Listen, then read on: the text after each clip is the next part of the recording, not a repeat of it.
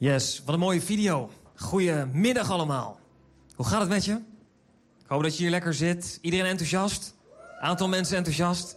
Hey, ook online superleuk dat je meekijkt. Van harte welkom. En uh, ga er lekker voor zitten. Um, ik weet niet wie van jullie het Songfestival heeft gekeken. Een aantal mensen. Een aantal mensen enthousiast. Ik moet zeggen, de eerste dienst waren mensen die waren denk ik meer in de Bijbelstudie. Want uh, er waren minder handen omhoog van mensen die het Songfestival hadden gekeken.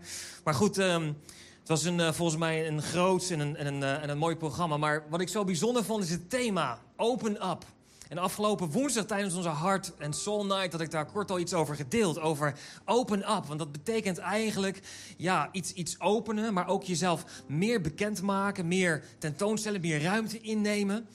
En dat is precies wat we aan het doen zijn. Hier in City Life Rotterdam. Wie had kunnen denken dat een aantal jaar geleden, toen ze bezig was, waren in uh, uh, Rotterdam met het Songfestival, dat het thema werd bedacht, dat Open Up het thema werd, dat dat eigenlijk een soort bijna profetische um, uh, slogan is geworden voor dit seizoen, voor deze tijd. Weet je, we zien om ons heen dat de maatregelen van corona wat minder worden. Er is weer veel meer mogelijk. Weet je, we kunnen weer meer mensen ook straks, zodra dat kan natuurlijk, meer mensen toelaten. En wat we gaan doen is natuurlijk onze pop-up openen in het centrum van Rotterdam. Ik ben er enthousiast over, ik hoop jullie ook. Maar het heeft echt alles te maken met dat we meer ruimte maken voor mensen om thuis te komen. Om ze een plek te geven waar ze Jezus kunnen ontmoeten. En waar ze ja, hem mogen ontdekken en meer mogen leren kennen. Ik ben er enthousiast over en ik hoop jij ook. En Pinksteren vandaag, hoe mooi is dat? Om dat in dat thema juist nu ook op Pinksteren uh, te horen en daarin bezig te zijn. Want Pinksteren was het feest van de Heilige Geest. De Heilige Geest werd uitgestort op de aarde, zoals we dat ook zeggen. En Jezus zelf was degene die zei: Het is beter als ik ga, want dan kan de Heilige Geest komen. Jezus zelf zei dat Jezus was altijd op een fysieke plek. Mensen moesten naar Jezus toe als ze genezen wilden worden. Ze moesten naar hem toe voor onderwijs. Maar Jezus zei, als ik ga, kan de Heilige Geest komen. En die is over heel de wereld. Dus waar je ook bent, Heilige Geest is in jou, weet je, is om je heen, is bij jou, werkt door je heen. Dus waar ook ter aarde, en hoe mooi is dat? En ik wil daar gewoon een paar teksten over noemen die we kunnen vinden daarover in de Bijbel. En die ons kunnen helpen van wie is de Heilige Geest nou? En, en is die ook echt in mij? Bijvoorbeeld deze, Handelingen 2 vers 38. Peter zei hier, je moet je bekeren tot God en je laten dopen in Jezus' naam, want dan worden je zonden vergeven. En de Heilige Geest zal in je komen wonen. Dus de Heilige Geest die woont in ons. En de tweede mooie tekst is in Johannes 14, vers 26, wat ons leert dat de Heilige Geest vertelt ons wat we moeten doen. Hij is onze raadgever. Johannes 14, vers 26. Omdat je bij mij hoort, dat zegt Jezus, zal de Vader jullie straks de helper sturen. Hij is de Heilige Geest. Lekker duidelijk. Niet vage omschrijving. Nee, Jezus vertelt gewoon: de Heilige Geest zal komen. De Vader heeft hem gezonden. En zijn naam is ook de Helper. Hij zal je alles leren en alles helpen herinneren wat ik tegen jullie heb gezegd. Dat is wat de Heilige Geest is. Hij, zal ons hij vertelt ons wat we moeten doen. En um, het volgende wat ik je wil noemen is dat de Heilige Geest die werkt in jou. Dus hij woont in jou, maar hij werkt in jou. En hij werkt door je heen. Filippenzen 2 vers 13 zegt dit. For it is God who works in you.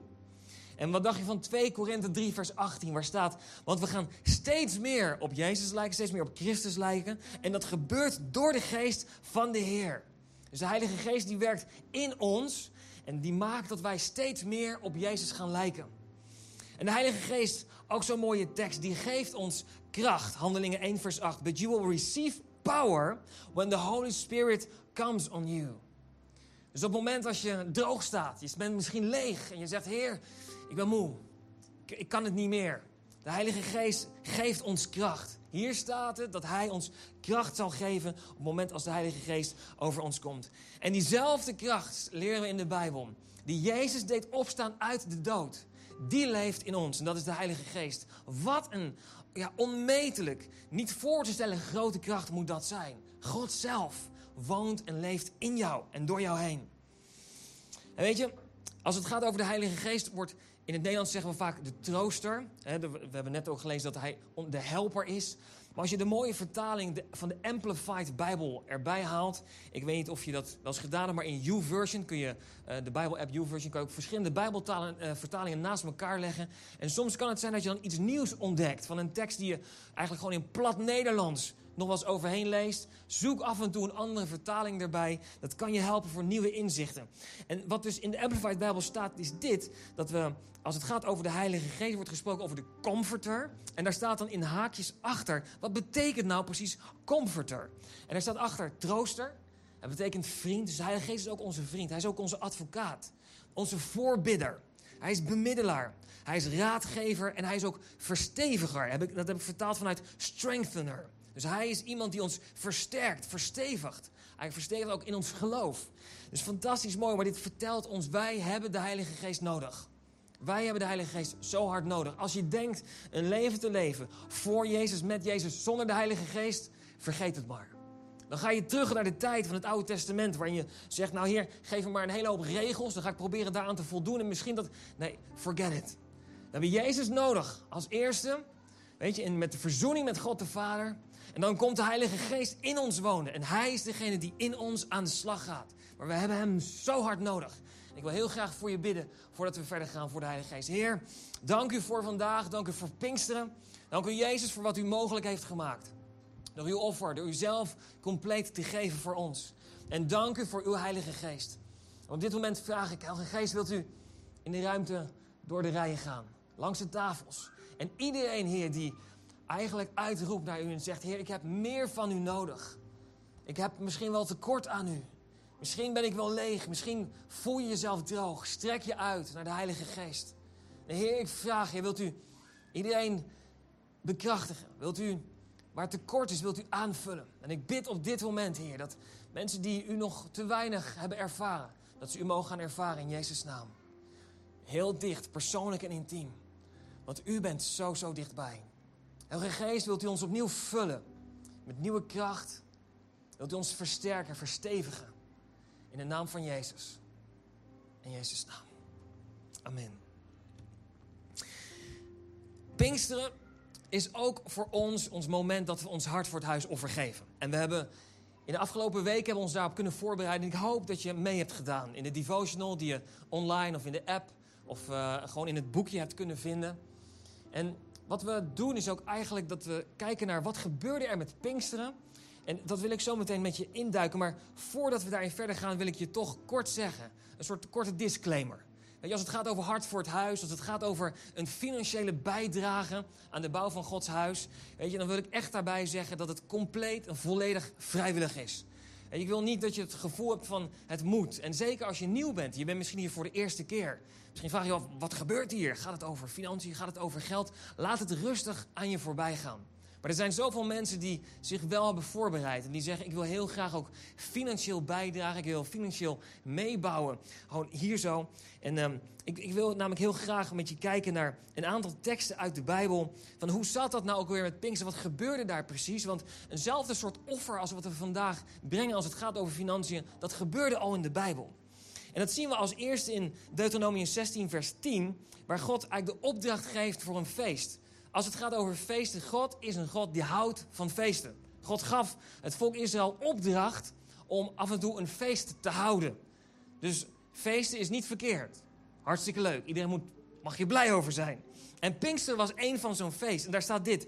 Dan zult gij het feest der weken vieren. Ter ere van de Heer. Dus je moet zelfs een feest doen voor de Heer. Wat mooi is dat.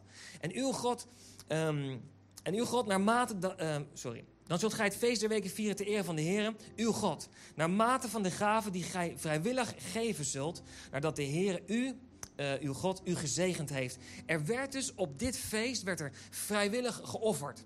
Naar de mate dat mensen gezegend waren voor, uh, voor de Heer. En wat je dus ziet hier is dat er bij het Pinksterfeest werd er dus geofferd naar de mate dat, men, dat, dat ze ervaren dat God ze gezegend had. Dus je kan zien dat hier het gaat over een dankbaarheidsoffer. En het Pinksterfeest was dus niet alleen het moment dat de Heilige Geest werd uitgestort. Niet alleen het moment dat de kerk werd geboren. Al dat soort onderwerpen hebben we al wel eens behandeld. Maar het was ook echt het feest van dankbaarheid. En moet je voorstellen wat er gebeurde, ook in de tijd van Pinkster, de Heilige Geest werd uitgestort. Al die mensen die bij elkaar kwamen, die hadden een reden om dankbaar te zijn. Ze hadden bedacht van wat heeft God afgelopen jaar voor mij gedaan? Hoe heeft God mij gezegend? En zo wil ik een zegen teruggeven aan God. En zelfs in moeilijke tijden is het belangrijk om te zien van wat doet God op dit moment. Want hoe vaak, ik weet niet hoe het bij jou is, maar als ik naar mezelf kijk, hoe vaak nemen die dingen gewoon voor lief? Van ja, weet je, dat hoort er gewoon bij, toch? Of zo. Maar weet je, de Bijbel spreekt dat al het goede wat van komt van boven. In Jacobus staat dat. Dus je zou kunnen zeggen dat alles wat goed gaat in je leven, hoe klein misschien ook, weet je, is een zegen van God. En ik moet denken aan dat mooie postertje, misschien heb je dat wel eens gezien. Er zit een soort gedicht bij van iemand die door een moeilijke tijd is gegaan. En die wandelt over het strand en dan kijkt hij terug. En dan zegt hij van, hé, hey, ik zie daar zo een enkel of paar voetstappen. En dat ben ik zelf. En die persoon die vraagt zich af, Heer, hoe kan het zijn dat ik zo alleen was, juist in de tijd dat ik u nodig had? En dan is het antwoord, en misschien ken je die poster wel, dat God zegt, ik ben altijd bij je, lief kind. En juist op dat moment dat je het moeilijk had, dat waren dat niet jouw voetstappen, maar dat waren mijn voetstappen toen ik jou droeg. En juist op dat moment zie je dat God ook daar bij iemand is. En je ergens doorheen wil dragen.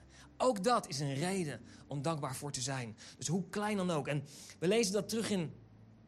Ik wil het eerste punt maken. Pinkster is dus een feest van dankbaarheid. En we lezen dat terug in Handelingen 2. Erod heeft echt ook al een aantal teksten uh, genoemd natuurlijk in de video. Dus we gaan ze niet allemaal helemaal doornemen. Maar je ziet dus dat iedereen bij elkaar kwam op het Pinksterfeest. En ineens kwam er uit de hemel een geluid alsof er een storm opstak. Wat in het hele huis was te horen. En ze zagen toen de tongen van vuur. En toen gingen uh, mensen uh, in vreemde talen spreken. Waarbij er dus allerlei mensen van andere landen uh, vanuit Italië kwamen ze, huidige Italië, huidige Turkije, huidig Iran. Alle van over heel de wereld kwamen ze naar Jeruzalem om dit feest te vieren. En iedereen die hoorde hun spreken in hun eigen taal. Hoe bijzonder is dat? Maar dan staat er in vers 11, Handelingen 2 vers 11 dit. Hoe bestaat het, was dus hun vraag, dat in ieder van ons in zijn eigen taal hoort te spreken, hoort te spreken over de geweldige dingen die God heeft gedaan. En hier komt dus weer naar boven het dankbaarheidsaspect van Pinksteren. Pinkster is bij uitstek het feest van dankbaarheid. En ik hoop dat ook jij dankbaar bent. En dat je, dat je ook in de voorbereiding hiermee daarover na wilt denken. En kijken uh, ja, wat God heeft, voor je heeft gedaan. En Petrus neemt het hier over op een gegeven moment. En hij doet een super effectieve evangelisatiepreek. Want hier is het moment dat er 3000 mensen zich bekeren. En dan ook uh, zich laten dopen. Fantastisch hoe dat daar geweest moet zijn. Het tweede punt wat ik met je wil delen is dit. Gods huis bouwen, dat doen we samen. En um, het mooie is dat als we de Bijbel goed op naslaan, uh, dat, dat op het moment als God opdracht geeft om een huis te bouwen, hoe praktisch ook, dat hij dat doet door mensen heen. dan zeg je, oké, dat is dan stap 1. Maar ook financieel gezien, alles wat nodig is voor de opbouw daarvan, gaat door de mens, door het volk zelf heen. En ik weet niet of je de film Evan Almighty kent. Misschien heb je hem wel eens gezien. Maar het is het mooie verhaal van Um, uh, nou ja, goed, die kerel hè, die dan Noach is. En die krijgt dan de opdracht om een boot te bouwen. Hij heeft ook een soort Mozesbaard, weet je, op dat moment. En wat er gebeurt in die film is dat hij dan de deur van zijn huis open doet. En hij heeft die opdracht gekregen. En dan ineens worden er allerlei producten geleverd. Weet je, er staat ineens hout voor zijn huis. En allerlei producten om dus dat schip te gaan maken. Maar zo lezen we dat niet terug in de Bijbel. Misschien was het bij Noach zo, maar als het gaat over de bouw van Gods huis, is het niet zo dat God zegt: bouw mijn huis. En ineens is daar een container met goud en een container met hout en nou goed, veel alles wat nodig is. Nee, God geeft de opdracht om dat te doen door het volk heen. En dat lezen we al in Exodus 35, vers 4 tot 5, dat Mozes zei: Dit heeft de Heer bevolen. Dan komt in vers 5: Laat iedereen van harte iets aan de Heer geven. Dit is wat er nodig is. En dan komt er een lijst. Goud, zilver, koper en nog allerlei dingen. En er staat achteraan, toen ging het hele volk naar huis. En daarna kwam iedereen die dat graag wilde. Heel belangrijk, dit offer is echt vanuit vrijwilligheid. En dat je het graag wil om het geven aan de Heer een geschenk te brengen voor de tent van ontmoeting. Dat was dus in die tijd dus de tempel, de kerk, gewoon locatie om te, om te ontmoeten. Um, voor, de, voor de dienst aan God en voor de heilige keer. Nou goed, er werden dus allerlei dingen gebracht. En in hoofdstuk 36 wordt zelfs gezegd dat Mozes op een gegeven moment moet zeggen... Lieve mensen, stop. Dit is genoeg. We hebben meer dan genoeg om Gods huis hiermee te kunnen bouwen. Maar hier wordt dus gesproken dat wat er nodig was aan voorraad, aan, um, um, aan resources om dat huis te bouwen, dat dat door het volk bij elkaar werd gebracht. Moet je voorstellen hoeveel ownership er op dat moment was. En, dat is, en ik hoop dat je daar ook zo in zit wat betreft financieel bijdragen. Dat je voelt van hé, hey, ik ben deel van wat we hier aan het doen zijn. Misschien zeg je van, ja, oké, maar dat was toen, hè, Mozes. Nee, David deed precies hetzelfde. Ereld heeft die tekst aangehaald. Waarbij David ook de tempel ging, uh, of David zelf niet, dat deed Salomo, maar David ging het bij elkaar verzamelen aan spullen. En hij gaf toen zelf ook aan wat hij allemaal uh, beschikbaar stelde aan goud, zilver, koper, ijzer. En dat hij daarna zei van, ik geef nog meer, uh, omdat ik zoveel houd van de tempel van mijn God. En nog van mijn eigen schatten. En dan komt dan een hele lijst met wat hij geeft. En daarna neemt hij de vrijmoedigheid om te vragen aan het volk: wie van jullie wil ook een geschenk aan de Heer geven? En die vraag die stellen we vandaag ook heel bewust. En vrijmoedig, moet ik eerlijk zeggen, gewoon ook aan jullie. Om te zeggen van, hé, hey, wie wil ook financieel bijdragen aan de bouw van Gods huis? En lezen we in vers 6 dat toen alle familiehoofden, stamhoofden, aanvoerders, ambtenaren van de koning goud, zilver, edelstenen voor de bouw gaven. En daar staat in vers 9, de mensen gaven gul. Want ze gaven het graag aan de Heer. En het hele volk was daar blij over. En misschien dat je dit hoort en zegt, ja oké, maar Daan is nog steeds oud. Nou weet je, in het Nieuwe Testament was het zelfs zo dat Paulus ook een offer haalde voor de gemeente in Jeruzalem. Ook daar zie je dat er financiën werden gebruikt voor de bouw van Gods huis. Om te zorgen dat de kerk verder kon. En zodat we weet je, een next step konden, konden gaan nemen. En wat ik zo mooi vind, is dat als we lezen in Ezekiel 44, vers 30, dat op het moment als wij geven, als wij financieel bijdragen, als wij iets van onszelf geven, dat er een belofte achter zit en dat is deze. Staat in Ezekiel 44, vers 30. And the first of all the first fruits of all kinds. Dus zeg maar, het, de eersteling, hè, het Pinksteren was het eerstelingenfeest. Wat dus hier staat. And every offering of all kinds, of all your offerings, shall belong to the priest. Dus het hoorde aan, eh, werd, werd gebracht aan het huis van God. And you shall also give to the priest the first of your dough. En volgens mij spreekt het goed uit, het is in elk geval deeg. Dus echt gewoon van, van alles werd dus een eersteling gebracht. En dan staat er achteraan, that a blessing may rest on your house. Dus hier zit een zegen achter, een belofte achter. Dat op het moment als wij onze eerstelingen geven, dat er een zegen is over ons huis. En zometeen als we ons voorbereiden en het ook het offer geven, willen we ook heel graag een zegen over jouw huis bidden. En ik heb Wen, uh, Wen en ik, wij zullen hier samen zometeen zijn om die zegen te bidden. En ik geloof ook echt dat je mag geloven dat die zegen daar voor jou is. En je hebt de mogelijkheid ook straks om, als je geeft, om gewoon in te vullen, weet je, waar jij God voor gelooft. En neem dat dan mee in gebed. En het laatste punt wat ik wil maken vandaag is dit, punt 3. Wij zijn zijn huis. Op het moment als je geeft aan God, als je geeft aan de kerk, als je geeft aan de bouw van Gods huis, geef je ook eigenlijk aan jouw eigen huis. Want jij bent deel van dit huis. En dat lezen we terug in Efeze 2, vers 18 tot 22. En dat begint met dit, want dankzij Hem, dat is Jezus, kunnen wij nu allebei door één geest, dat is de Heilige Geest, dicht bij de Vader komen. Dus door Jezus, daar is, het, daar is het door gekomen. En door de Heilige Geest kunnen wij in contact zijn met God de Vader. En vers 19 zegt dit, zo zijn jullie nu dus niet langer vreemdelingen en buitenstaanders. Want jullie horen nu bij het volk van God en bij het gezin van God.